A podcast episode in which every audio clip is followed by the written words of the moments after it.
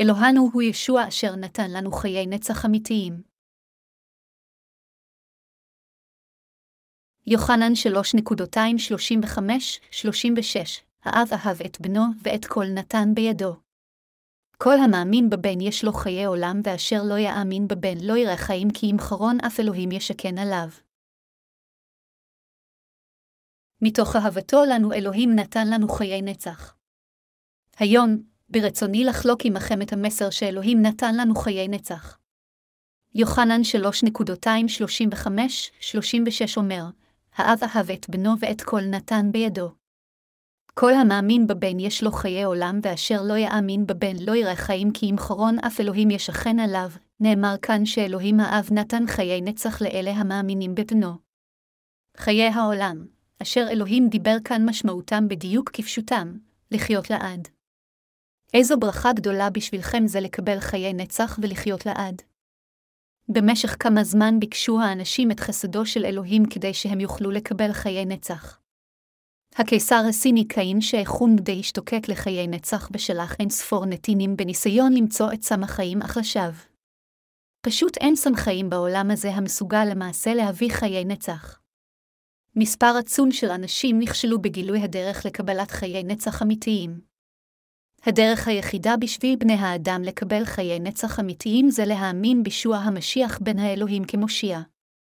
במילים אחרות, הדרך היחידה בשבילנו לקבל חיי נצח אמיתיים זה להאמין בבשורת המים והרוח שבין האלוהים נתן לנו. אנו יכולים להשיג חיי נצח על ידי שנשים את אמונתנו באמת שהוא הושיע אותנו מחטאי העולם. כאשר אנו מהרהרים בזה, שישוע נתן לנו את פשורת האמת של המים והרוח המאפשרת לנו לחיות לעד, איננו יכולים שלא לתת לו את כל תודותינו.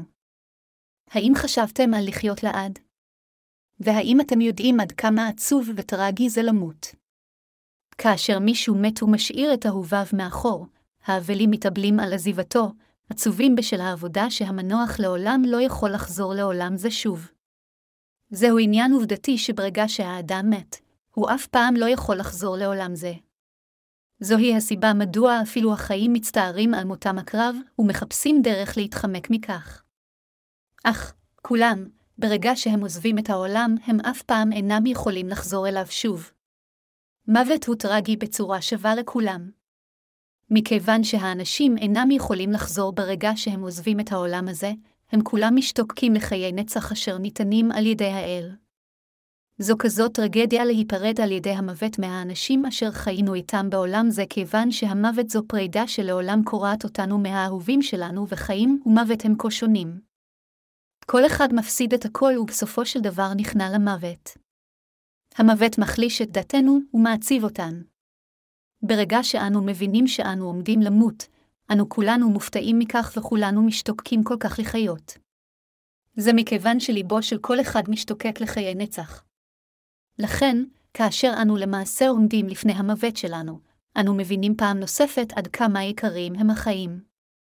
מספרים שכאשר אלה אשר נידונים למוות הולכים לעבר ההוצאה להורג שלהם ורואים שלולית של גשם מהלילה הקודם, הם הולכים מסביב לשלולית במקום לפסוע עליה. הם נוהגים כך כיוון שהם רוצים להעריך אפילו כמעט את הישארותם בעולם. בשביל כל בני האדם, זה טוב לחיות. החיים יפים. החיים קשים רק מכיוון שאנו חיים בסבל בעולם הזה. אם א' יהיה סבל ויהיו רק דברים טובים, החיים הם לחלוטין טובים ויפים. האם אי פעם הייתם פסיעה מהמוות? אם כן, אז בוודאי אתם יודעים עד כמה משמח זה לחיות. הרגע בו הבנתי את ערך החיים שלי. הסיפור הבא הוא למעשה משהו שקרה לי לפני זמן רב. פעם נפלתי לתוך פתח עבירור הגג של בניין בין חמש קומות וכמעט מיטאטי מזה. פועלי הבניין עבדו על מערכת האוורור של בניין הדירות בין החמש קומות הזה ושמו לוח דק כדי לכסות את פתח האוורור אשר הם עבדו עליו. מבלי לדעת את זה, צעדתי על הלוח הדק הזה ונפלתי לפתח. אך למרבה המזל המרפקים שלי נתפסו בצידי הפתח כך שלא נפלתי כל הדרך עד לתחתית. בלי קשר, ברגע ההוא, כל מה שיכולתי לחשוב עליו זה שאני עומד למות. לכן נכנסתי לפניקה ברגע ההוא. אך מהר התעשתי והבנתי שאני עדיין חי ושהמרפקים שלי תפוסים בקצות הפתח ורגליי חובטות לשווא באוויר. כאשר הסתכלתי בזהירות למטה, יכולתי לראות אנשים הולכים על המדרכה מבחוץ. אך הם לא היו במצב של לעזור לי אפילו שראו אותי במבט ברור נאבק, ואני בעצמי לא הייתי בעמדה של לבקש מהם עזרה. אם הגוף שלי היה זז אפילו קצת, הייתי יכול ליפול מהבניין של החמש קומות. אם אפילו רגל אחת שלי הייתה יכולה לעמוד על משהו בצורה יציבה, הייתי יכול להשתחרר מהפתח, אך לא היה דבר שיכולתי לעשות. הרגע הקצר הזה הרגיש לי כל כך ארוך. מאז והלאה הבנתי עד כמה טוב זה לחיות. אפילו עם התאונה שלי הייתי כל כך שמח שמצאתי את עצמי עדיין חי. למרות שהייתי תלוי בין חיים ומוות, ולמרות שבסופו של דבר עמדתי לאבד את כל כוחי וליפול לתוך הפתח, ברגע ההוא הייתי כל כך שמח שאני עדיין חי ונושם. למרבה המזל, בזמן ההוא, הגוף שלי היה במצב פיזי מעולה ולכן בסופו של דבר הצלחתי להשתחל מהפתח למצב בטוח. אך בגלל מה שקרה אז, אפילו עתה אני עדיין אסיר תודה שאני חי. בזמן אחר חליתי בשחפת בגיל צעיר. הרופא שאבחן את השחפת שלי בזמן ההוא אמר לי עד כמה הוא מצטער לראות אדם צעיר שכזה חולה במחלה כה קשה. בזמן ההוא כאשר חשבתי שאני עומד למות, הארכתי למעשה את מסתורי החיים במקום לשקוע בדכדוך. כאשר הייתי בריא, הייתה לי הערכה קלה בלבד ליופיו של הטבע. כאשר האביב הגיע ועולם הטבע התעורר לחיים עם ניצנים חדשים, רק חשבתי על זה שהאשב עתה גדל, כאשר העצים אשר שרדו את החורף הנצו, פרחו והניבו פירות, לא חשבתי על זה כמשהו מיוחד, וכאשר השמש זרחה ושקעה, רק הסתכלתי על זה כיום שעבר. אך ברגע שהתחלתי את האשפוז שלי, כל הדברים האלה מהצבא הירוק של עץ האורן ועד זריחת השמש ושקיעתה, לא נראו כדבר רגיל יותר. התחלתי להרגיש חיבור חזק לחיים בכל צורת חיים קטנה, לא משנה עד כמה קטנה היא הייתה, לא נראתה לי יותר קטנה. כך, כאשר צעדתי ברגל, נפעמתי אפילו מצמח שגדל בין הסלעים ונמלות העומדות בשורה לשאת את מזונם נראו כה מדהימות בשבילי. כל בוקר, כאשר קמתי לאור הבוקר והתמתחתי, יכולתי להרגיש את החיים נשמים בתוכי. החיים שלי נראו לגמרי מדהימים ונהדרים בימים ההם. יום אחד, לאחר שהייתי מאושפז בערך חודש בגלל השחפת, אכלתי ארוחת ערב מוקדמת והסתכלתי על גבעה דרך החלון, כאשר השמש שקעה לאיטה והערב התקרב. לפתע, רצתי לטייל ברגל, ולכן לבשתי בגדים והתחלתי לטפס על הגבעה. בגבעה, עצי אורן התנופפו מהרוח. כאשר ראיתי את עצי האורן מתנדנדים קדימה ואחורה מהרוח, הרגשתי בליבי, אה. כל היקום מהלל את האל, אתה, כאשר עצי האורן התננו מהרוח, הם לא התננו בשבילי יותר, אלא יכולתי לראות שהם למעשה היללו את האלוהים ונפעמתי, הייתי אסיר תודה ונדהמתי על ידי הגישה החדשה הזו. עד אז, לפני שזה קרה, לא הייתי מסוגל להעריך את מסתוריות החיים אשר ניתנו על ידי האל, אך כאשר חיי שלי היו לא יציבים כמו נר ברוח, למעשה נוכחתי להעריך את ערכם של חיי. כאשר הייתי בריא, הייתה לי חשיבות מועטה לחיי. לא נתתי יותר מדי תשומת לב לבריאותי. כל כך לא שמתי לב שבאנרגיה של צעירים אפילו בעיצומו של החורף קפצתי לים והסתובבתי סביב לאחר שחייה עם בגדים רטובים בלי דאגה. אך ברגע של מעשה איבדתי את בריאותי, נוכחתי להבין עד כמה יקרה היא. הודות לניסיון זה, נהייתי מסוגל להעריך את הערך האמיתי של חיי. כאן, אני חושב שוב על הערך הרב של החיים. נוכחתי להבין שהעובדה שאני חי חיים שניתנו על ידי האל, זה כשלעצמו, זה דבר נפלא. אם כאשר יצור שחי על אדמה זו זה כה יקר ובעל ערך רב, אני יכול רק להעריך עד כמה חיים נפלאים יהיו במלכות האלוהים כאשר אין שם סבל. כאשר אני חושב על העובדה שאני אחיה לעד כאשר אעזוב את אדמה זו ואעבור לעולם הבא, ליבי מוצף בשמחה. זו כזו ברכה לקבל חיי נצח מאלוהים ולחיות עמו לעד בשמחה נצחית ותהילה תמידית, ככל שאני חושב על זה כך ליבי יותר מוקיר תודה. אלה אשר אין להם סוג של ניסיון כזה, אלה אשר בריאים ואינם עומדים בפני מותם הקרוב, אלה אשר לא חשבו על מותם או שלא התנסו בחוויה של סף מוות, ואלה אשר לא חשבו על שלטון האל היכן שיש חיי נצח, כל האנשים האלה צריכים להבין את הערך הרב של החיים אשר העל נתן לנו. אלוהים נתן חיי נצח לאלה אשר שטפו מליבם את כל חטאיהם על ידי קבלת בשורת הכפרה באמצעות בן האלוהים. עד כמה מבורך זה שאלוהים נתן חיי נצח לכל אלה המאמינים בבנו. בעולם זה, במיוחד לעשירים יש חיבור גדול יותר לחיים שלהם. הבריאים, בעלי ההשפעה והעשירים בעולם זה משתוקקים כל כך לחיות חיים ארוכים שיש ביניהם כאלה שמוכנים אפילו לתת את עושרם אם היו יכולים לחיות אפילו יום אחד יותר. זה מכיוון שהמוות מבשר על סוף כל הברכות אשר אלוהים הביא לבני האדם. בבשורה על פי יוחנן אלוהים אמר שלאלה המאמינים בבנו יש חיי נצח, ואלה אשר אינם מאמינים בבן אינם יכולים לראות חיים וחמת האל תשכון עליהם. יוחנן 3:36 חברי המאמינים, עליכם להבין שכל אלה אשר אינם מכירים בבן האלוהים, במילים אחרות, אלה אשר אינם יודעים ומאמינים בבשורת האמת של המים והרוח אשר ניתנה על ידי בן האלוהים, כל שמחתם תגיע לסופה. אם לא ניוולד מחדש מכל חטאינו בחיים אלה ונתנתק מעולם זה על ידי המוות שלנו, כל מה שיחכה לנו בעולם הבא זה סבל נצחי. לכל אלה אשר לא נולדו מחדש מהמים והרוח מחכה רק עונש נצחי אשר ינבע מחמת האל. עליכם להבין שכל אחד אשר מת מבלי להאמין בישוע המשיח כשהוא היה בעולם הזה, זה הסוף של כל העושר וזו ההתחלה של כל הקללות שלו. מוות הוא דבר נורא לכולם, אך בניגוד אליו, חיי נצח הם כזו שמחה. רק אלה אשר קיבלו את מחילת חטאיהם על ידי האמונה בבשורת המים והרוח יכולים לקבל חיי נצח וכשהמוות יגיע, הם בעצם יראו את סוף הצער ואת ההתחלה של האושר שלהם. ביוחנן שלוש וחמש עשרה דקות אלוהים אמר, למען אשר לא יאבד כל המאמין בו כי אם יחיה החיי עולם, האם אתם מאמינים בבן האלוהים כמושיע שלכם וכאדון? והאם אתם מאמינים בבשורת המים והרוח אשר בן האלוהים נתן לנו? לאלה המאמינים יש את מחילת החטא וחיי נצח, אך אלה אשר אינם מאמינים רק קללות מחכות להם. כל המאמין בדבר בשורת המים, והרוח אשר ניתנה על ידי אלוהים מקבל חיי נצח. יש מעיין, אלוהים יצר את היקום ואת כל הדברים אשר בתוכו כולל אותנו בני האנוש. אלוהים הוא האל הכל יכול אשר יצר את כל הקיום מתוך שום קיום. לבני האדם, אשר הוא ברא, אלוהים אפשר חיי נצח בישוע המשיח. בשביל כל בני האנוש, יציריו, אלוהים העניק את ההזדמנות להימחל מכל חטאיהם ולאלה המאמינים, הוא העניק חיי נצח. ביוחנן 3.214-15, ישוע המשיח אמר, וכאשר הגביה משה את הנחש במדבר כן צריך בן האדם להנסה. למען אשר לא יאבד כל המאמין בו כי אם יחיה החיי עולם, כאן, ישוע המשיח ציטט פסוק מספר במדבר שבברית הישנה. ספר במדבר מתאר את מה שעבר על בני ישראל כאשר הם ברחו ממצרים וחצו את הים האדום בדרכם לארץ כנען. במשך ארבעים שנה, בני ישראל נדדו במדבר כשהם הולכים בסיבובים פעם אחר פעם.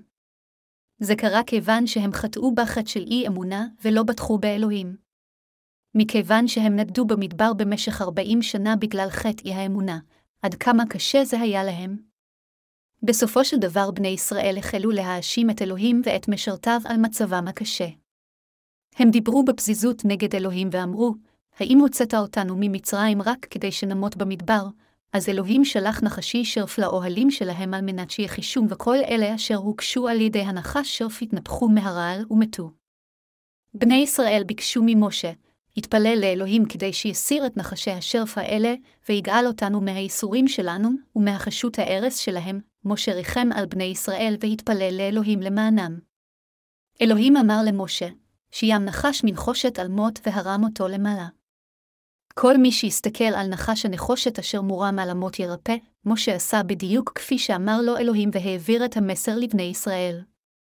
אלה למעשה אשר הסתכלו על נחש הנחושת שעל אמות נרפאו מפציהם כאשר ההרס של הנחש הוסר. זהו הסיפור המוזכר ביוחנן 3.214-15, כאשר ישוע אמר, וכאשר הגביה משה את הנחש במדבר כן צריך בן האדם להנסה. למען אשר לא יאבד קל המאמין בו כי אם יחיה החיי עולם. אלוהים נתן חיי נצח לבני האדם, אך מי למעשה מקבל את חיי הנצח ממנו. בברית הישנה, כאשר בני ישראל חטאו כנגד אלוהים והוחשו על ידי נחשי השרף, ומתו מחטאיהם, משה התפלל למענם והושיע אותם, ואלוהים אמר, שים נחש נחושת על המות והרם אותו למעלה. כל מי שיסתכל עליו ינצל, בדיוק כך, ישוע המשיח לקח על עצמו והחטיף את כל החטאים של העולם הזה על ידי שהוטבל בידי יוחנן המטביל, על ידי שנצלב ועל ידי כך נתן חיי נצח לכל אלה אשר הסתכלו לעברו והאמינו בישועה זו אשר גאלה אותנו מכל חטאי העולם וסבל הקללות. אלוהים יצר אותנו בני האדם, וכאשר אנו נפלנו בפיתויי השטן וחטאנו כנגדו, הוא גם שלח לנו את ישוע המשיח, ועל ידי שבנו הוטבל בידי יוחנן המטביל ומת על הצלב, אלוהים הושיע אותנו אחת ולתמיד מכל חטאינו ומכל החורבן. לאלה המאמינים באמת זו אלוהים נותן גאולה נצחית וחיי עולם. במילים אחרות, אלוהים נתן חיי נצח לכל המאמין באמת זו. זוהי הסיבה אשר אלוהים יצר אותנו בני האדם, וזוהי גם הסיבה שהושעתנו מכל חטאינו. אלוהים רצה לתת לנו חיי נצח, לנו בני האדם, באמצעות ישוע המשיח. בהתאם לרצונו, הוא אכן נתן חיי נצח אלו לכל אלה המאמינים בישוע המשיח כמושיעם, ובבשורת המים והרוח. המקרה של נחשי השרף בברית הישנה מראה על חסד האל אשר ריפא את כל אלה אשר הסתכלו על נחש השרף על המות. הנחש כאן מסמל את השטן ונחושת מסמלת את הדין. בני האדם חוטאים עד המוות. שכר החטא הוא המוות. אם איזה יצור חוטא לפני הבורא זה יוביל אותו באופן בלתי נמנע למוות נצחי. מכיוון שאיננו יכולים שלא לחטוא והולכים שולל אחר נחש הנחושת, השטן, כלומר, אנו כולנו ראויים להרשעה. בכל אופן, החטא הזה וההרשעה על החטא אשר נטפלו עלינו על ידי השטן, נישאו על ידי אדונינו אחת ולתמיד. כדי לתת חיי נצח לכם ולי, לנו אשר נפלנו לתוך החטא, אלוהינו האב שלח את בנו ישוע המשיח וגרם לבנו לקבל את חטאינו באמצעות הטבילה, הצליבה למוות והקימה לתחייה מן המתים. עתה, כל אלה המאמינים בישוע המשיח הזה קיבלו חיים חדשים ולא ימותו להלום כיוון שאלוהים בעצמו נתן לנו חיי נצח. למעשה, בדיוק בשביל לתת לנו חיי נצח אלוהים שלח את ישוע המשיח לאדמה זו. זוהי הסיבה מדוע ישוע המשיח אמר, כי אהבה רבה אהב האלוהים את העולם עד אשר נתן את בנו את יחידו למען אשר לא יאבד כל המאמין בו כי אם יחיה החיי עולם. כי האלוהים לא שלח את בנו בעולם לדין את העולם כי אם למען יושע בו העולם, יוחנן 3.216-17. המשמעות של זה שאלוהים אהב את העולם, היא שאלוהים אהב אתכם ואותי אשר חיים בעולם זה. זוהי הסיבה מדוע אלוהים שלח את בנו ישוע המשיח להושיע אתכם ואותי מכל חטאי העולם. אלוהים אהב אותנו כל כך עד שהוא שלח את בנו היחיד לאדמה זו כדי לתת לנו חיי נצח, ולאלה המאמינים בפשורת המים והרוח הוא אכן עשה את זה לאפשרי לא להישמד אלא לקבל את מחילת החטא הנצחית וחיי אמת. אף אחד בעולם זה לא יכול להיוולד בגלל שהוא או היא רוצה להיוולד. זה מתרחש לגמרי על ידי רצון האל. במילים אחרות, כדי לתת לנו חיי נצח, אלוהים תכנן הכל בישוע המשיח. וכאשר הגיע הזמן, הוא גרם לישוע המשיח להתגלות אלינו ואפשר לנו לשמוע את בשורת האמת ולהאמין בה, ועל ידי כך עשה את זה לאפשרי לכולנו לקבל חיי נצח. בדיוק כפי שכולנו נולדנו על אדמה זו הודות אלוהים, עתידנו הוא גם בידי האלוהים. אנו יכולים לקבל חיי נצח, במילים אחרות, רק אם אלוהים יושיע אותנו. אלוהים אכן אהב אותנו. זוהי הסיבה מדוע הוא שלח את ישוע המשיח לעולם זה והוציא לפועל את בשורת האמת של המים והרוח באמצעותו, ולאלה המאמינים בכך, אלוהים נתן חיי נצח בעוד לאלה שאינם מאמינים הוא הביא הרס נצחי. זה מה שאלוהים עשה למעננו. בלי קשר למי ומה אנחנו, אלוהים הושיע אתכם ואותי ואת כל בני האדם באמצעות פשורת המים והרוח. כולנו חייבים עתה לדעת את בשורת המים, והרוח ולהאמין בה. אלוהים אומר לנו שעל מנת שנקבל את מחילת חטאינו וחיי נצח ממנו, אנו חייבים להיוולד מחדש מהמים והרוח. אם ברצוננו להישתף בצורה נקייה מחטאינו ולקבל חיי נצח מאלוהים, אנו חייבים לקבל את הישועה הזו כאשר אנו נולדים מחדש מהאני הישן שלנו לבריאה חדשה. אלה אשר יכולים לקבל חיי נצח הם לא אלה אשר עדיין נשארים עם הבשר והנשמה המוכתמים בחטא שירשו מהוריהם, אלא אלה אשר הפכו לעני חדש אשר נשמתם וגופם נגאל מכל חטאיהם, ואשר מתו אחת ולתמיד והוחזרו לחיים שוב על ידי האלוהים באמצעות אמונתם. ביוחנן פרק 3 היכן שקטע כתב הקודש של היום מתואר, בא אדם בשם נקדימון. נקדימון היה פרושי. הפרושים היו אנשים מאוד דתיים אשר קיימו את דבר התורה של התנ"ך, האמינו בו ונשמעו לו. אך אדם זה לא ידע דבר על חיי הנצח או על ישוע המשיח או כיצד להיוולד מחדש מהמים והרוח. כל מה שהוא ידע זה פשוט מה התורה של הברית הישנה אומרת. הוא ידע ושמר רק את לימוד התורה. אך יום אחד, כאשר ישוע המשיח נולד בעם שלו ובבוא הזמן לימד את דברו ברחבי ישראל, נקדימון בסופו של דבר נוכח לשמוע את מה שישוע המשיח דורש.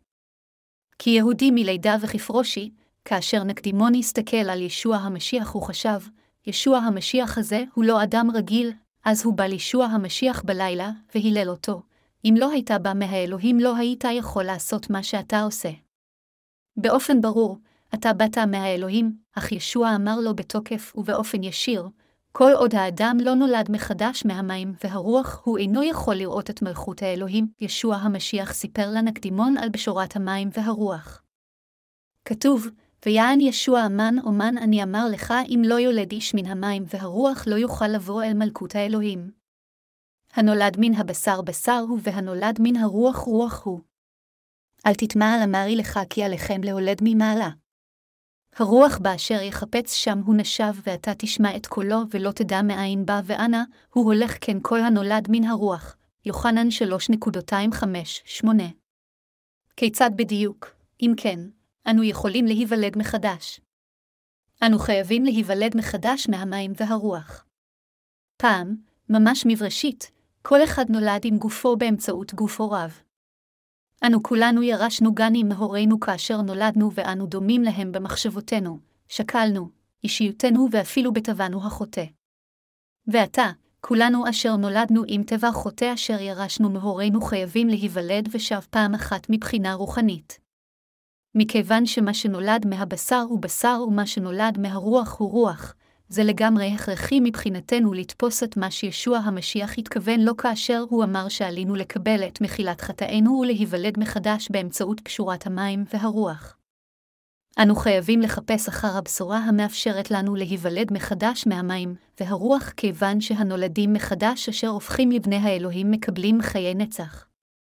מה שאדוננו אמר כאן זה שעל ידי הידיעה והאמונה בבשורת המים והרוח, כלומר, כיצד בדיוק ישוע המשיח מחק למעשה את כל חטאינו, אנו יכולים להיכנס למלכות האלוהים. אך נקדימון לא יכול היה להבין את מה שישוע המשיח מדבר עליו. לכן ישוע המשיח אמר, אל תטמע על אמרי לך כי עליכם להולד מלמעלה. הרוח באשר יחפץ שם הוא נשב ואתה תשמע את קולו ולא תדע מאין בא ואנה, הוא הולך כן כל הנולד מן הרוח. יוחנן 3.27-8 האם אתם יודעים את בשורת המים והרוח, מעבר סתם להיוולד מרחם עמכם, לחיות בצורה גשמית ולמות בצורה גשמית? באופן כללי, אנשי העולם הזה יודעים רק עד האמיתה הברורה שמיועדת להם להיוולד פעם אחת ולמות פעם אחת. אך כל אחד יכול להיוולד פעמיים כאשר הוא עדיין חי. צרצר, זבוב, אש ופרפר הם כולם נולדים פעמיים. האם זחל לא הופך לצרצר שאף בשמיים? הרי זחל הופך לאש או לפרפר, וגם זחל הופך לצרצר, כל אלה מצריך שתי לידות. האם גם אנחנו בני האדם לא צריכים גם להיוולד פעמיים מהמים והרוח? ישוע המשיח אמר לנקדימון שהאדם יכול לראות את מלכות האלוהים רק אם הוא נולד מחדש. נקדימון, בכל אופן, לא הבין את זה ולכן הוא חשב שזה מוזר שהוא יצטרך להיוולד מחדש. אז ישוע המשיח אמר לו, הרוח נושבת היכן שהיא רוצה, אך אתה שומע את קולה, ולא יכול להגיד מאיפה היא באה ולאן היא הולכת. כך זה כל מי שנולד מהרוח. האדם נולד בגופו פעם אחת ואז נולד שוב מהרוח, באופן ברור ישנם כאלה שנולדו מחדש. מכיוון שאתה בעצמך לא נולדת מחדש, אתה נדהם מכך ואינך יכול לזהות את הנולדים מחדש אפילו כאשר אתה רואה אותם. אינך יודע את האמת. לאמיתו של דבר, אלו הם המנהיגים הדתיים של העולם הזה אשר אינם יכולים לתפוס את האמת אשר מביאה את שטיפת החטאים ואת הגאולה מהרשת החטא. לנשמתכם ונשמתי, אלוהים נתן ברכות נצחיות. למעשה, כדי לתת לנו חיי נצח, אלוהים גרם לנו להיוולד בעולם זה וגם כדי לשמוע ולהאמין בבשורת המים והרוח. פעם אחת האדם נולד מרחם אמו, ופעם שנייה הוא נולד מחדש כאשר הוא נפגש עם פשורת המים והרוח. כאשר הוא נולד מחדש בדרך זו, הוא ללא ספק יקבל חיי נצח. אלוהים לא רק נתן לנו לחיות עם הגוף, אלא הוא גרם לנו להאמין בבשורת המים והרוח ולהיוולד מחדש ועל ידי כך לקבל חיי נצח ולהפוך לילדי האלוהים. בכל אופן, הדתיים בעולם זה אינם מבינים זאת. זוהי הסיבה מדוע כאשר ישוע המשיח דיבר אל נקדימון, נקדימון לא יכול היה להבין את מה שישוע אומר. אכן, דתיים רבים בעולם הזה לא יודעים דבר.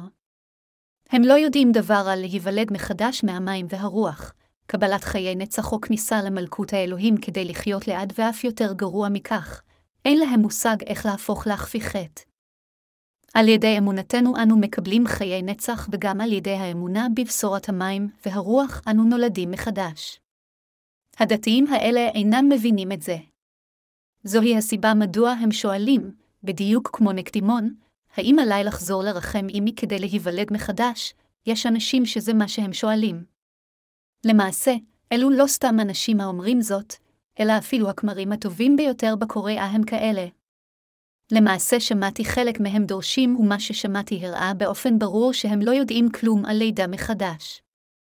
אחד מהם אמר את השורה הבאה, אף אחד לא יודע אם הוא בעצמו נולד מחדש או לא. כך התנ"ך אומר, הרוח באשר יחפץ שם הוא נשב, ואתה תשמע את קולו, ולא תדע מאין בא, ואנה, הוא הולך כן כל הנולד מן הרוח, ישוע המשיח אמר שהאדם צריך להיוולד מהמים והרוח. המים כאן זה מי שפיר המים שיש לאישה בהיריון. באופן דומה גברים ונשים, כדי שחיי אנוש ייוולדו, הזרע חיי לפגוש את הביצית. מתוך כל הזרעים, הסיכוי שזרע ספציפי יתחבר לביצית הוא 1 ל-200 מיליון. כל זרע חייב לרוץ בנואשות כדי להגיע לביצית קודם. רק זרע אחד יכול להפוך לחיים על ידי הריצה הנואשת שלו. ככה אתה ואני נולדנו, כך אנשים נולדים גופנית. להיוולד מחדש מהמים, והרוח זה גם כך. למרות שיש מיליונים ומיליארדים של נוצרים ביקום הזה, אלה מתוכם אשר למעשה נולדים מחדש הם נדירים מאוד ולכן אנו חייבים להיות נאמנים לאלוהים עד מותנו, לשרתו עד מותנו ולרוץ עד מותנו. אך איננו יודעים בדיוק מי מביננו למעשה נולד מחדש. אנו רק מנסים להיות חרוצים, אך איזו אינטרפרטציה מגוחכת זו. מי אם לא כומר זה הוא כמו נקדימון. במילים אחרות, אין לו מושג כיצד להיוולד מחדש. חבריי המאמינים, להיוולד מחדש מהמים והרוח זה להאמין בישוע המשיח שבא לאדמה זו בגוף אדם, הוטבל, שפך את דמו על הצלב וקם שוב לתחייה מן המתים, הכל כדי להושיע אתכם ואותי.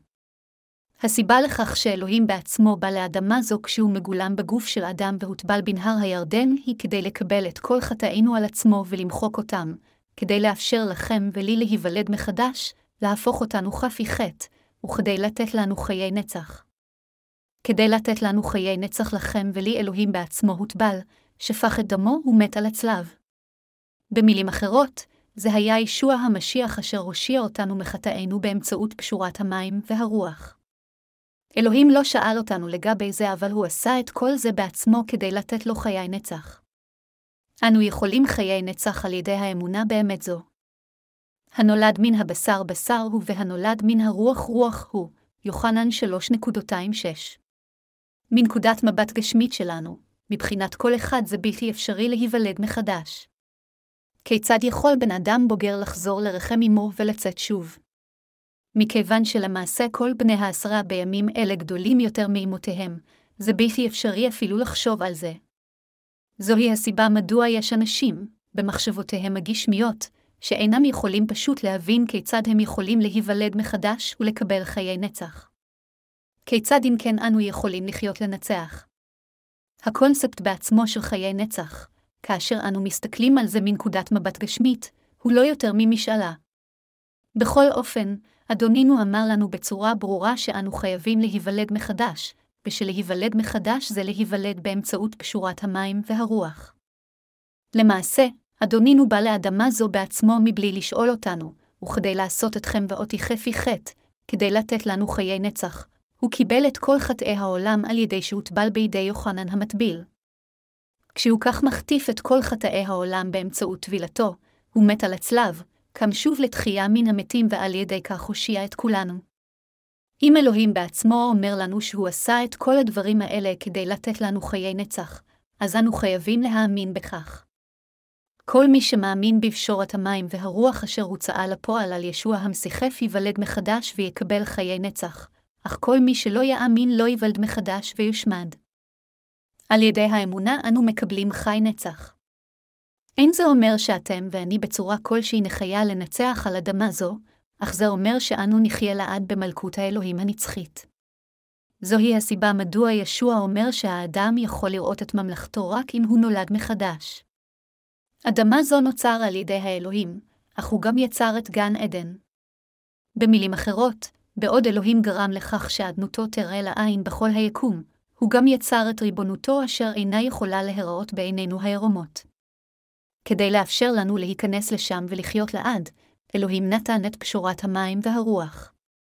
כדי למעשה לתת לנו חיי נצח, אלוהים תכנן את הלידה החדשה שלנו, הציע את גופו כקורבן ועל ידי כך עשה את זה אפשרי מבחינתנו להיוולד מחדש וכך הוא העניק לנו לידה חדשה אמיתית וחיי נצח. לכן, אנו נולדים מחדש ומקבלים חיי נצח לגמרי על ידי האמונה במה שאלוהים עשה למעננו. לנקדימון, רב מישראל אדונינו אמר, רב בישראל אתה, וזאת לא ידעת. יוחנן שלוש ועשר דקות. ולאחר מכן הוא אמר, אמן אומן אני אמר לך כי את אשר ידענו נדבר ואת אשר ראינו נעיד ואתם לא תקבלו עדותנו. יוחנן שלוש ואחת עשרה דקות. כאן, אדונינו השתמש בגוף ראשון רבים. זה בעיקרו מראה שאדונינו אינו עובד כאן בעצמו. השילוש הקדוש עובד יחד בהתאמה אחד עם השני. ישוע המשיח בא לאדמה זו מכיוון שאלוהים האב שלח אותו. אדונינו הוציא לפועל את ישועתנו על אדמה זו ורוח הקודש העידה על כך, אומן אומן אני אומר לך כי את אשר ידענו נדבר ואת אשר ראינו נעיד ואתם לא תקבלו עדותנו. יוחנן שלוש ואחת עשרה דקות.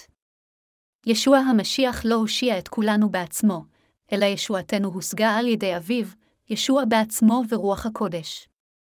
זוהי הסיבה מדוע ישוע התבטא בגוף ראשון רבים כאן. כדי לגרום ליציריו להיוולד מחדש, כדי לתת להם חיי נצח וכדי להפוך לבני האלוהים, אדונינו אמר את זה כאן. הוא המשיך ואמר, אם הגדתי לכם ענייני הארץ ואינכם מאמינים איך תאמינו בהגידי לכם ענייני השמיים. ואיש לא עלה השמימה בלתי אם אשר ירד מן השמיים בין האדם אשר הוא בסמיים, יוחנן 3.12-13. ישוע המשיח קרא לעצמו משיח כיוון שהאלוהים בעצמו בא לאדמה זו בגוף אדם. ישוע המשיח אלוהים בעצמו, אשר בא לכדור הארץ כשהוא מגולם בגוף. ישוע המשיח הזה, אלוהים בעצמו אשר בא מגולם בגוף אדם, הוא המשיח. אין אחד שאי פעם עלה השמיימה אלא רק המשיח הזה. למעשה, לפני שישוע המשיח בא לאדמה זו, לא הייתה מחילת חטאים מושלמת. מכיוון שישוע המשיח הוא האלוהים האמיתי, הוא יכול היה לעלות אל אלוהים האב. אין אף אחד אחר מלבד ישוע המשיח אשר עלה אל מלכות השמיים. באמצעות ישוע המשיח הזה, אלוהים נתן חיי נצח לאלה המאמינים בבשורת המים והרוח. הוא אפשר, במילים אחרות, למאמיניו להיכנס לממלכה שם הם יוכלו לחיות לעד. על ידי האמונה בבשורת המים והרוח אנו יכולים לקבל חיי נצח ואתם ואני נוכחנו לדעת ולהאמין בבשורה זו ממש. בדרך זו בדיוק אנו מצאנו חיי נצח. אנו בורכנו על ידי האל בקבלת חיי נצח אלה כפי שכתוב, כי אהבה רבה אהב האלוהים את העולם עד אשר נתן את בנו את יחידו למען אשר לא יאבד כל המאמין בו כי אם יחיה חיי עולם, יוחנן שלוש ושש עשרה דקות. אדונינו בעצמו אמר את זה. אך למרות זאת, יש עדיין אנשים רבים המסרבים לקבל זאת. למרבה הצער, אנשים שכאלה כבר הורשעו, לא להאמין במה שאלוהים עשה למעננו זה לבקש הרשעה. אלה אשר נולדו על אדמה זו בגוף ועדיין אינם מאמינים באמת הזו בליבם, הם כולם מורשעים לעד גם בעולם הזה וגם בעולם הבא העתיד לבוא. הם יידונו לעד בשני העולמות לבור של אש המחכה להם. בכל אופן, לאלה המאמינים באמת הזו, חיי נצח מגיעים. אדונינו נתן עושר נצחי לכל אלה המאמינים בבשורת המים והרוח. החיים על אדמה זו כאשר אתם ואני נאבקים בצורה גשמית, הנסיבות והמצב, זה לא כל מה שיש. זה, למעשה, לא יותר מאשליה וצל. לאלה מאיתנו אשר נולדים מחדש מהמים והרוח יבואו חיים מעשיים ואמיתיים, כלומר חיי נצח. כך, אנו המאמינים קיבלנו חיי נצח. אלוהים נתן חיי נצח לכל אלה מאיתנו אשר נולדו מחדש. הוא נתן לנו חיי נצח כך שנשמותינו לעולם לא ימותו אלא יחיו לעד. מה אם לא זהי אהבת האל, האהבה השופעת והמדהימה אשר אלוהים העניק לנו בשפע? על ידי אמונתנו, אנו קיבלנו את האהבה הזו ואת חיי הנצח המעשיים שלנו. אדונינו בא לאדמה זו רק פעם אחת. למרות שאדוננו בא לאדמה זו, אנשים לא קיבלו אותו בגלל מעשיהם הרעים. במילים אחרות, היו כאלה שלא האמינו בו וכתוצאה מאי אמונתם, הם לא יכלו לקבל חיי נצח אלא נשארו חוטאים המיועדים לגהינום. אלו סוג של אנשים אינם יכולים להיוולד מהמים והרוח. יוחנן שלוש ותשע עשרה דקות אומר, וזהו הדין כי האור בא אל העולם ובני האדם אהבו החשך יותר מן האור כי רעים מעשיהם, אם האדם יכול להיוולד מחדש או לא, במילים אחרות, נקבע על ידי האם הוא אוהב את האור יותר מהרשעות. אתם ואני וכל אחד אחר ביקום הזה, כולם עושי רעות. מעשינו הם תמיד לקויים ורעים. למרות שכולנו רעים ולקויים, ישנם עדיין אלה הרוצים לחיות באופן מוסרי בליבם. מצד אחד, ישנם את אלה המשתוקקים לקבל את האור לליבם ובאמת לעשות טוב, אך מצד שני, ישנם אלה אשר אוהבים רע יותר מהאור אפילו בליבם. אנשים אלה, האחרונים, חייבים לחזור בתשובה. הם חייבים לחזור. אלוהים ביצע את פשורת המים והרוח כך שכל הנשמות המשתוקקות לקבל ישועה וחיי נצח יוכלו אכן לקבל זאת על ידי האמונה. לכן, לבכם יותר חשוב ממעשיכם. בעוד אנו באמת איננו מסוגלים לעשות טוב, עלינו עדיין להיות בעלי לב טוב הרוצה לעשות טוב. פאולוס השליח גם היה כזה כשהוא התוודה, כי אינני עשה הטוב אשר אני רצה, כי אם הרע אשר אינני רצה אותו אני עשה, אל הרומים שבע ותשע עשרה דקות. מה שפאולוס השליח אומר כאן זה שלמרות שהוא באמת רצה לעשות טוב, הוא בסופו של דבר במקום זה עשה רע כיוון שבבשרו הוא לא היה מסוגל לעשות טוב, אין זה אומר שפאולוס השליח בצורה כלשהי אהב יותר מטוב. לא משנה עד כמה לקוי יהיה האדם, אם בליבו הוא מודה בכך, רוצה למצוא טוב ומשתוקק להיוושע, אז הוא אכן יכול להיוולד מחדש על ידי האמונה בבשורת המים והרוח אשר ניתנה על ידי האלוהים. רק אחרי זה הנשמה שנולדה באמת מחדש יכולה לעשות את עבודת האל הקדושה. הבא לא נהיה מעורר רחמים שנכשלים בלהיוולד מחדש ולקבל חיי נצח אפילו שאלוהים כבר נתן אותם לנו. זה כואב לליבי כל כך שאפילו שאלוהים ציין בשבילנו את הדרך לקבל חיי נצח על ידי שנתן לנו את בשורת המים והרוח. ישנם יותר מידי אנשים רבים אשר אוהבים רוע יותר מטוב, ולכן דוחים את הבשורה המקורית הזו אשר ניתנה על ידי ישוע המשיח. למרבה הצער, אנשים שכאלה כבר הורשעו ונשפטו. גם בעולם הזה וגם בעולם הבא. הם בגיהינום לעד. ההפך מחיי נצח זה עונש נצחי. העונש הנצחי הוא לחיות לעד בגיהינום, בבור של אש תמידית. חיי נצח, מצד שני, זה עושר נצחי. איזה מהם ברצונכם לקבל, חיי נצח או עונש נצחי? כולכם רוצים לקבל חיי נצח לא עונש נצחי. לכן, כיוון שאלוהים נתן את בשורת המים והרוח והושיע אותנו באמצעות אורו, אהבתו והאמת, אנו חיים להאמין בכך בליבנו. האם אתם מאמינים בכך, חבריי המאמינים? אלה השונאים את האור אינם באים אל האור. מדוע הם אינם מסוגלים לבוא אל האור? הם אינם באים כיוון שהם חוששים שהחושך שלהם יכול להתגלות. למרות שייתכן שאיננו מושלמים במעשינו, ליבנו עדיין חייב לבקש אחר האמת ולהשתוקק לטוב כי על מה שצריך לשמור זה על הלב. התנ"ך אומר, מכל משמר נצר לבך, כי ממנו, תוצאות חיים, משלי 4.23. אם ליבנו יסטה מדרך הישר, אז כל הדברים האחרים גם יסטו מדרך הישר. אבל עשה האמת יבא לאור למען יגלו מעשיו כי נעשו באלוהים, יוחנן 3.21. חבריי המאמינים, האם אנו באמת רוצים לעשות את האמת? אלה אשר רוצים לעשות את האמת ממשיכים לבוא אל האור. כאשר הם באים אל האור הכל נחשף וכל החושך מתגלה. כל מה שנגלה הופך לאור, אל האפסאים חמש ושלוש עשרה דקות. מכיוון שאנו תמיד לקויים, אנו ממשיכים לעשות טעויות, לבצע חטאים, ולעשות רע. חטא הוא חטא. אנו צריכים להודות שאדונינו לקח אפילו את זה, ובעשותנו כך, אנו הופכים לאנשי אמונה אשר ליבם נולד מחדש מהמים והרוח. אלה המכירים בליקויים שלהם, אשר ליבם בכנות רוצה לחיות בהתאם לרצון ישוע ואשר רוצים לחיות למען ישוע זה אשר נתן להם חיי נצח, אלה האנשים אשר באמת נולדו מחדש. כאשר לישוע יש דברי חיי העולם, מדוע נלך למישהו אחר? יוחנן 6.268 אנו לעולם לא נבגוד באמונתנו בישוע המשיח. אלוהים נתן לנו חיי נצח. חיינו על האדמה הזו הם רק רגעיים. בקרוב מאוד, אנו נלך אל המקום בו נהנה מהברכות והאושר של חיי נצח. אך יש כאן תנאי, רק אלה שנולדו מחדש מהמים והרוח יכולים לקבל את חיי הנצח האלה. במלכות האלוהים מחכה אושר נצחי. למאמיניו, אלוהים נתן את הברכות האלו המאפשרות להם לחיות באושר לנצח. מכיוון שהחיים על אדמה זו הם כמו רוח קצרה אשר עוברת לידינו ברגע, איננו נאחזים בהם אלא אנו צועדים קדימה רק לעבר אור האמת, מהלים ומודים לאלוהים על שנתן לנו חיי נצח ומקדישים את עצמנו להפיץ את האור הזה ברחבי כל כדור הארץ.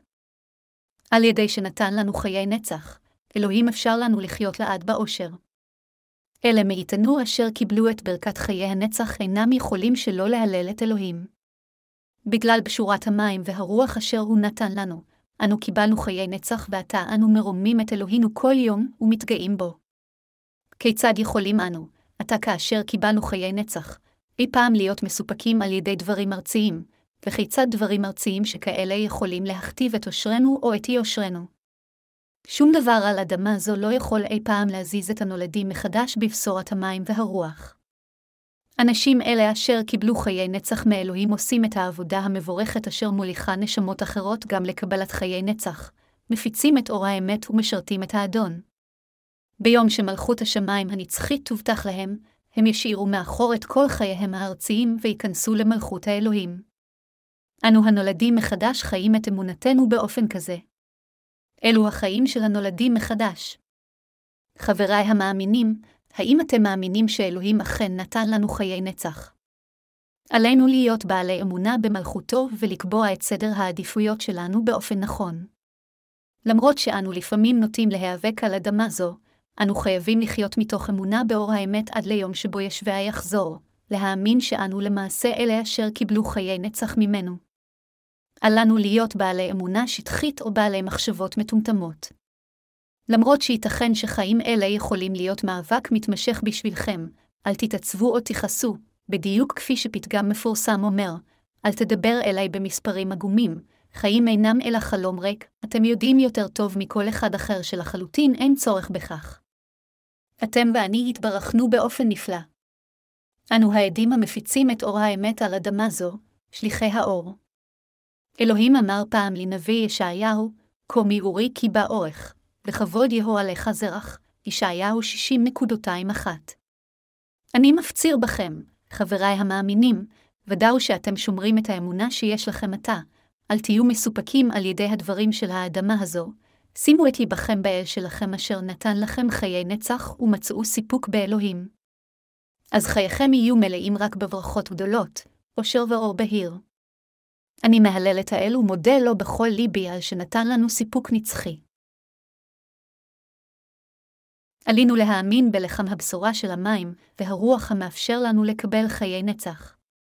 ביוחנן 6.27, ישוע אמר, אל תעמלו במאכל העבד, כי אם במאכל הקים לחיי עולם אשר בן האדם יתננו לכם, כי איתו חתם אביו האלוהים בחותמו. חבריי המאמינים, לא כל המאכלים הם אותו דבר, יש מאכלים מקולקלים ומאכלים עמידים. אדונינו ביצע ניסים ואותות במדבר השומם. על ידי שברך קופסת אוכל שבה היו רק שתיים דגים וחמש כיכרות לחם, הוא האכיל לשובה יותר מחמשת אלפים אנשים ועדיין נשארו להם תריסר סלים של שאריות. לכן בימים ההם עם ישראל הלכו אחר ישביה כל פעם שהם רבו. אך ישוע אמר, אל תעמלו במאכל האבד, כי אם במאכל הקים לחיי עולם אשר בן האדם יתננו לכם, אז האנשים שאלו, מה נעשה לפעול פעולות אלוהים, לאמיתו של דבר, אנשים עובדים כדי להתפרנס. כמו כן, הם אוכלים כדי לתחזק את חייהם. אך, לפעמים, זה לא כל כך ברור האם הם אוכלים כדי לחיות או חיים כדי לאכול. מעטים האנשים שיש להם תשובה מדויקת. האם אנו אוכלים כדי לחיות לפני אלוהים או אנו חיים כדי לאכול זה דומה לשאלה מה קודם למה התרנגולת לביצה. למעשה, כדי לשגשג ולחיות היטב האנשים הארציים עובדים. כדי לחיות אנו אוכלים שהרי אנו יכולים לחיות רק אם נאכל. הסיבה לכך שבני ישראל הלכו אחר ישוע זה מכיוון שהם השתוקקו ללחם הגשמי. הם הלכו אחריו שוב מכיוון שבפעם הקודמת שהם גבעו במדבר, ישוע לימד את דבר האמת ואז עשה ניסים ואותות כדי להאכילם. ישוע היה בצד האחר של הים בזמן הזה, אך האנשים הלכו אחריו אפילו לשם. עד אז, כמובן, הם היו כולם מאוד רעבים. ישוע אז אמר להם, אל תעמלו במאכל האבד כי אם במאכל הקים לחיי עולם, יוחנן 6.27. מה שישוע רצה להגיד להם זה שהוא כבר נתן להם חיי נצח. האנשים האלה אז שאלו את ישוע, מה עלינו לעשות כדי שנוכל לעבוד את עבודת האל? הם חשבו שהם יוכלו לקבל חיי נצח אם יעשו את עבודת האל. האם הנוצרים של היום לא גם כאלה? הם חושבים שהם יכולים להתברך ולהיוושע אם הם יעשו את עבודת האל. זוהי הסיבה מדוע נוצרים רבים מסורים לכנסייתם, מייסדים כנסיות חדשות רבות ועושים מעשים טובים רבים במשך חייהם. בניגוד לכך, בכל אופן, ישוע אמר, זאת פעולת אלוהים אשר תאמינו במי שהוא שלחו, יוחנן 6.29. במילים אחרות, אלוהים בעצמו הסביר במפורש כיצד האדם יכול לקבל חיי נצח. הוא הבהיר בצורה ברורה שחיי הנצח האלו נמצאים באלה המאמינים בבנו. כאשר ישוע אמר, זאת פעולת אלוהים אשר תאמינו במי שהוא שלחו, יוחנן 6.29, ההמון שאל אותו שוב, מה האות אשר תעשה למען נראה ונאמין בך מה תפעל. יוחנן 6.30, ישוע אז אמר להם, אומן אומן אני אמר לכם לא משה נתן לכם את הלחם מן השמיים, כי אבי נתן לכם את הלחם מן השמיים האמתי. 33 כי לחם אלוהים הוא היורד מן השמיים ונתן חיים לעולם. יוחנן 6.32, 33. אז האנשים האלה אמרו לו, אדני תנה לנו תמיד את הלחם הזה, יוחנן 6.34, על זה נענו על ידי ישוע שהוא בעצמו לחם החיים הזה, ואמר, אנכי הוא לחם החיים, כל הבא אליי לא ירעב, והמאמין בי לא יצמא עוד. והבא אליי לא אהדפנו החוצה, יוחנן 6.35, 37. אדונינו תיאר את עצמו כלכה מן השמיים. ישוע אז המשיך להגיד, כי לא ירדתי מן השמיים לעשות רצוני, כי אם רצון שלחי. וזה רצון האב אשר שלחני אשר כל הנותן לי לא יאבד לי, כי אם אקימנו ביום האחרון. וזה רצון שלחי אשר כל הראה את הבן ומאמין בו יהיו לו חיי עולם, ואני אקימנו ביום האחרון. יוחנן 6.38, 40, אומן אומן אני אמר לכם המאמין בי לא חיי עולם. אנכי הוא לחם החיים, יוחנן 6.247, 48. וכן, אנכי הלחם החי הירד מן השמיים איש כי יאכל מן הלחם הזה יחיה לעולם, והלחם אשר אתננו הוא בשרי אשר אתן בעד חיי העולם, יוחנן 6.51. כשהוא מתייחס לעצמו, אדונינו הבהיר בשפע שהוא בא מן השמיים. הוא גם אמר שהוא ירד מן השמיים לא לעשות את רצונו שלו, אלא את רצון אביו. הוא אמר שהוא עושה את עבודת האב בדיוק כפי שהאב ציווה עליו, הוא עשה את רצון האחד אשר שלח אותו. מהו, אם כן, רצון האב? זה להאמין בבן. כך אמר האב, האם ברצונכם לקבל חיי נצח? כיצד תקבלו חיי נצח אלו? כל מי שרואה את הבן ומאמין בו יקבל חיי נצח, במילים אחרות. כשהוא מסביר על עצמו, ישוע אמר, אני הלחם אשר ירד מהשמיים. כל מי שיאכל לחם זה יקבל חיי נצח, בדיוק כפי שאדוננו אמר כאן. כל מי שרואה את הבן ומאמין בו אכן יקבל חיי נצח. במילים שונות, אלה אשר אוכלים את אדונינו על ידי האמונה, בו הם אלה אשר באמצעות אמונתם אוכלים את הישועה הזו אשר הובאה על ידי אדונינו והם יקבלו חיי נצח. זה מה שאדונינו אמר. אך למרות זאת, רבים מההמון נכשלו בהבנה שישוע נשלח על ידי אלוהים האב. חיי נצח מוזכרים לעתים קרובות בבשורה על פי יוחנן הזו. היא אומרת לנו פעם אחר פעם שאלוהים נותן חיי נצח לאלה המאמינים בבן. אך ההמון ממשיך לשאול אותו לגבי לחם גשמי. אך לחם חיי הנצח זה מה שישוע רצה לתת להם, והוא גם אמר להם שהוא בעצמו הוא לחם החיים. זוהי הסיבה מדוע אדונינו אמר להם, למעשה, אכלו אותי ואתם תקבלו חיי נצח, בכל אופן, בדיוק כמו נקדימון ההמון היה קובור לגבי חיי נצח שהם כולם תמהו וחשבו לעצמם, כיצד אדם זה יכול לתת לנו את בשרו לאכילה? לכן אדונינו אמר להם, אומן אומן אני אמר לכם אם לא תאכלו את בשר בן האדם ושתיתם את דמו, אין לכם חיים בקרבכם. האוכל את בשרי וישתה את דמי יש לו חיי עולם, ואני אקימנו ביום האחרון. כי בשרי באמת הוא אכל ודמי באמת הוא שיקוי. האוכל את בשרי ושתה את דמי הוא ילין בי ואני בו. כאשר שלחני האב החי ואנכי חי בגלל אבי כן האוכל אתי גם הוא יחיה בגללי. הוא הלחם הירד מן השמיים לא כאשר אכלו אבותיכם את המן ומתו אכל את הלחם הזה יחיה לעולם. יוחנן 6.253-58 בקיצור, אם האדם אוכל את ישוע באמצעות אמונתו, הוא יקבל חיי נצח. ישוע הוא הלחם אשר מביא חיי נצח לכל אלה המאמינים בו. כל מי שמאמין בבן האלוהים יש לו חיי נצח. זה היה עיקר המסר אשר ישוע ניסה להעביר ליהודים בדו-שיח עמם. אך היהודים שהיו שם לא יכלו לתפוס זאת ולכן תהו, האם אתה אם כן הלחם שבא מהאלוהים? אמרת לנו לאכול אותך, אך איך בדיוק אנו יכולים לאכול אותך? האם עלינו פשוט לתפוס את בשרך ולאכול אותו? האם אתה חושב שאנחנו קניבלים? כיצד אנו יכולים לאכול אותך? אז אדונינו הסביר להם בפירוט באומרו, כי בשרי באמת הוא אכל ודמי באמת הוא שיקוי. האוכל את בשרי ושתה את דמי הוא ילין בי ואני בו. כאשר שלחני האב החי ואנכי חי בגלל אבי כן האוכל אתי גם הוא יחיה בגללי, יוחנן 6.255-57. בעיקרו, כאשר ישוע אמר שמי שמאמין בבן מקבל חיי נצח, לזה הוא התכוון, אלה המאמינים שאדונינו בא לאדמה זו, מחק את כל חטאינו והפך למושיע האמיתי שלנו, אשר מאמינים גם שישוע הוא בן האלוהים ומושיענו, אשר מאמינים גם שהוא קיבל את כל חטאינו על גופו באמצעות טבילתו. נשא חטאים אלה של העולם אל הצלב, נצלב למוות, קם לתחייה מן המתים בתוך שלושה ימים ועל ידי כך מחק את כל חטאינו, והמאמינים שאדוננו הוא המושיע הזה, אלו האנשים המאמינים בבן, הם האנשים אשר קיבלו חיי נצח על ידי שאכלו, באמצעות אמונתם, את הבשר והדם של ישביה. אלה המאמינים בבן האלוהים מקבלים חיי נצח. הם הפכו לאלה אשר יש בחזקתם חיי נצח. בקיצור, על ידי האמונה בבן האלוהים אנו יכולים לקבל חיי נצח. מה אם לא זהו המסר אשר אני ניסיתי להסביר לכם עד עתה? בן האלוהים הזה לקח את חטאינו על גופו באמצעות טבילתו, הורשע על חטאינו על ידי שנתן את גופו, קם לתחייה מן המתים, ובעשותו את כל הדברים האלה, הוא הביא ישועה ונתן חיי נצח לכל אלה המאמינים בישוע המשיח בן האלוהים כמושיעם. זה בדיוק מדוע זה המאמין בבן האלוהים יש לו חיי נצח. ישוע אמר, כי בשרי באמת הוא אכל ודמי באמת הוא שיקוי, יוחנן 6.55. על ידי האמונה בישוע אתם קיבלתם חיי נצח. אתם יכולים להיוושע ולקבל את מחילת החטא על ידי האמונה בישוע המשיח. על ידי אכילה ושתית הבשר והדם של ישוע הזה אתם יכולים לקבל חיי נצח.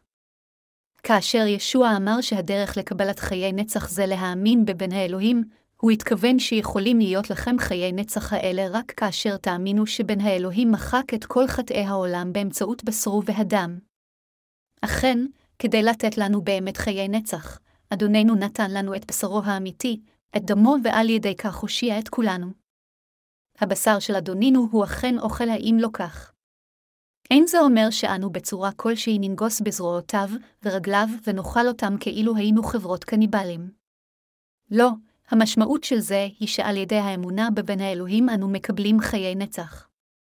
זו הכוונה של לאכול את בן האלוהים באמצעות האמונה, כאשר אנו מאמינים כך בישוע בכל ליבנו אנו מקבלים חיי נצח. ישוע אמר לנו, החלט בשרי וישתה את דמי יש לו חיי עולם, יוחנן 6:54. אלה אשר באמת אכלו את בשרו של ואב ושתו את דמו יש להם עתה חיי נצח. זה מכיוון שאלוהים האב החליט להושיע אותנו באמצעות בנו ונתן חיי נצח לכל המאמינים בבנו, לכן, לאלה אשר אכלו את בשר בן האלוהים ושתו את דמו, אלוהים אכן נותן חיי נצח. כיצד אנו אוכלים את בשרו של בן האלוהים? אנו אוכלים אותו באמצעות אמונתנו בבשורת המים והרוח. כדי להושיע אתכם ואותי מכל חטאינו, אלוהים שלח את בנו לאדמה זו ואפשר לבנו לקבל את כל חטאי בני האדם באמצעות טבילתו.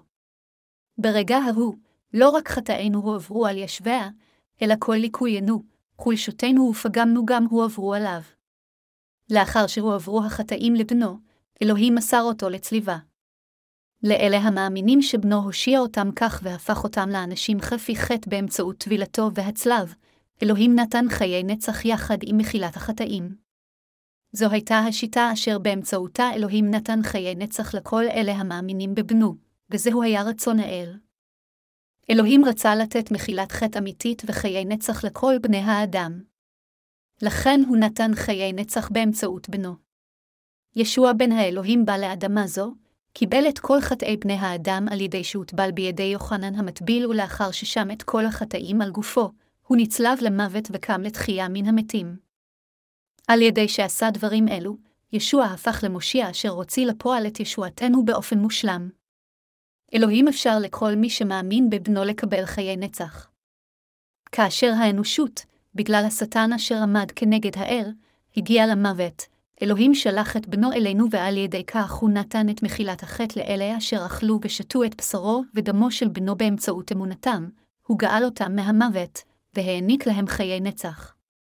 במילים אחרות, אלוהים נתן חיי נצח לכם ולי המאמינים בישוע המשיח ובאמת שלו. האם אתם מאמינים בכך שאלוהים נתן חיי נצח לנשמותינו? זוהי הסיבה מדוע זה המאמין בבן יש לו חיי נצח. התנ"ך אומר, ימי שנותינו בהם שבעים שנה, ואם בגבורת שמונים שנה, תהילים תשעים נקודותיים עשר. אך זה לא כל מה שיש שם לחיינו. אלוהים נתן לנו חיי נצח. חיים אלה, אינסופיים, שאינם נגמרים ונצחיים, ניתנו לכם.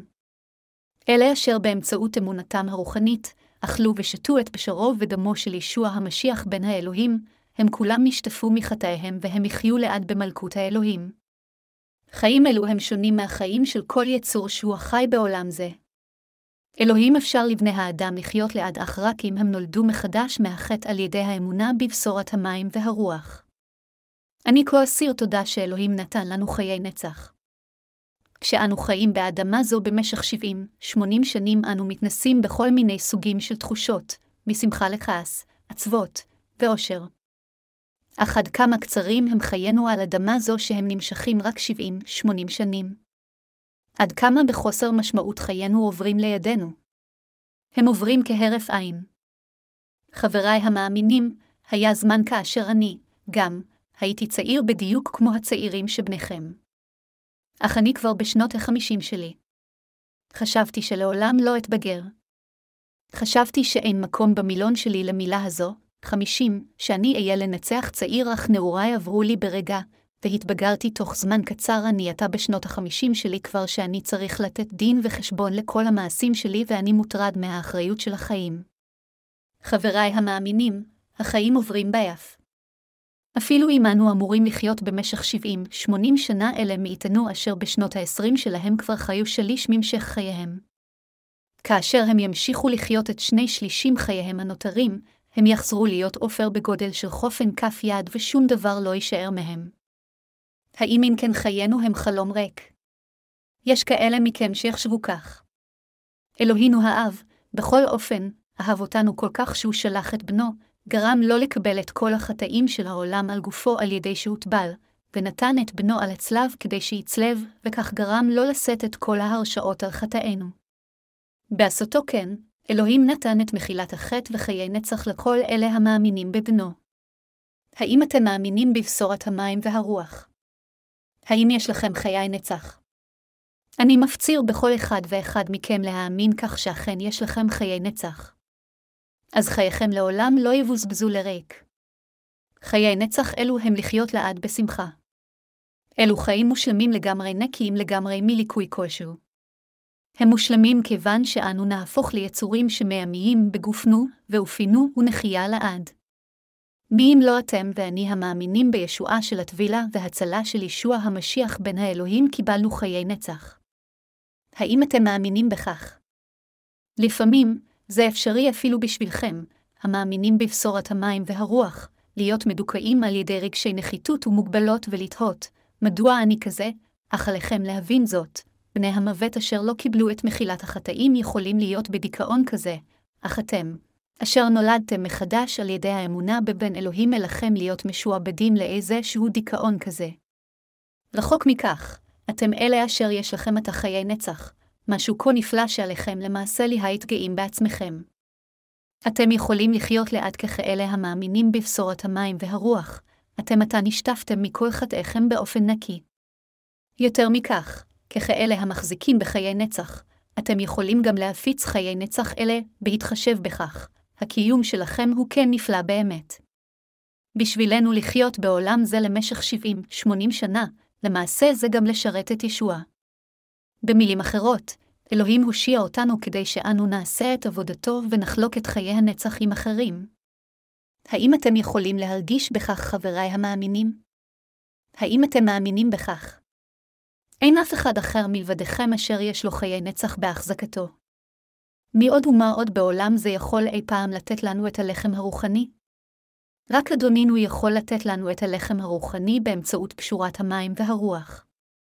זוהי הסיבה מדוע זו כזו ברכה להאמין בבשורת המים, והרוח אשר ניתנה על ידי אדונינו. וזוהי גם הסיבה מדוע מה שבאדמה זו נראה כה שטחי בשבילנו. מכיוון שאנו חיים על אדמה זו כי מטיילים במסע קצר, ומכיוון שכולם בעולם הזה חייבים להיוולד מחדש באמצעות האמונה אשר אנו דורשים עליה, שום דבר בעולם לא יכול לכבוש אותנו הנולדים מחדש. זה שההנאה על אדמה זו, השמחה וכל מה שבעולם נראה שטחי בשבילנו זה בדיוק מכיוון שיש לנו עתה חיי נצח. כאשר בהחזקתנו חיי נצח, איננו מסתכלים לעבר עולם זה ומשתוקקים לו, עולם שיעבור לנו כל כך מהר. מכיוון שאנו חיים על אדמה זו כצליינים, ואנו קיבלנו עתה חיי נצח אמיתיים, חיינו הם חיים על מנת להלל את אלוהינו. לכן, אפילו אם אנו עומדים בפני סבל, עצבות וקושי כאשר אנו חיים על אדמה זו, ליבנו עדיין מלא שמחה. הלחם של ישוע הוא אכן אוכל, והדם של ישביה הוא אכן שתייה. על ידי האמונה בישוע זה, אנו הופכים לכאלה אשר ליבם אינו צמא יותר. מכיוון שישוע בעצמו הפך למעיין החיים, נשמותינו אינן צמאות. ייתכן שאם נסתכל לעבר העולם נצמא, אך כאשר נסתכל לעבר ישבעה לעולם לא נצמא. חבריי המאמינים, אלוהים העניק את חסד הישועה המופלא שלו עליכם.